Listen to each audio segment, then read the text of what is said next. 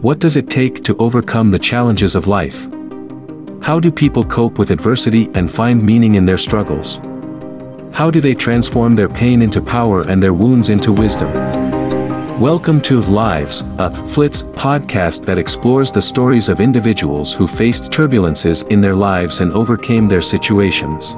Each episode, we will dive deep into the personal journeys of our guests and learn from their insights, lessons, and tips.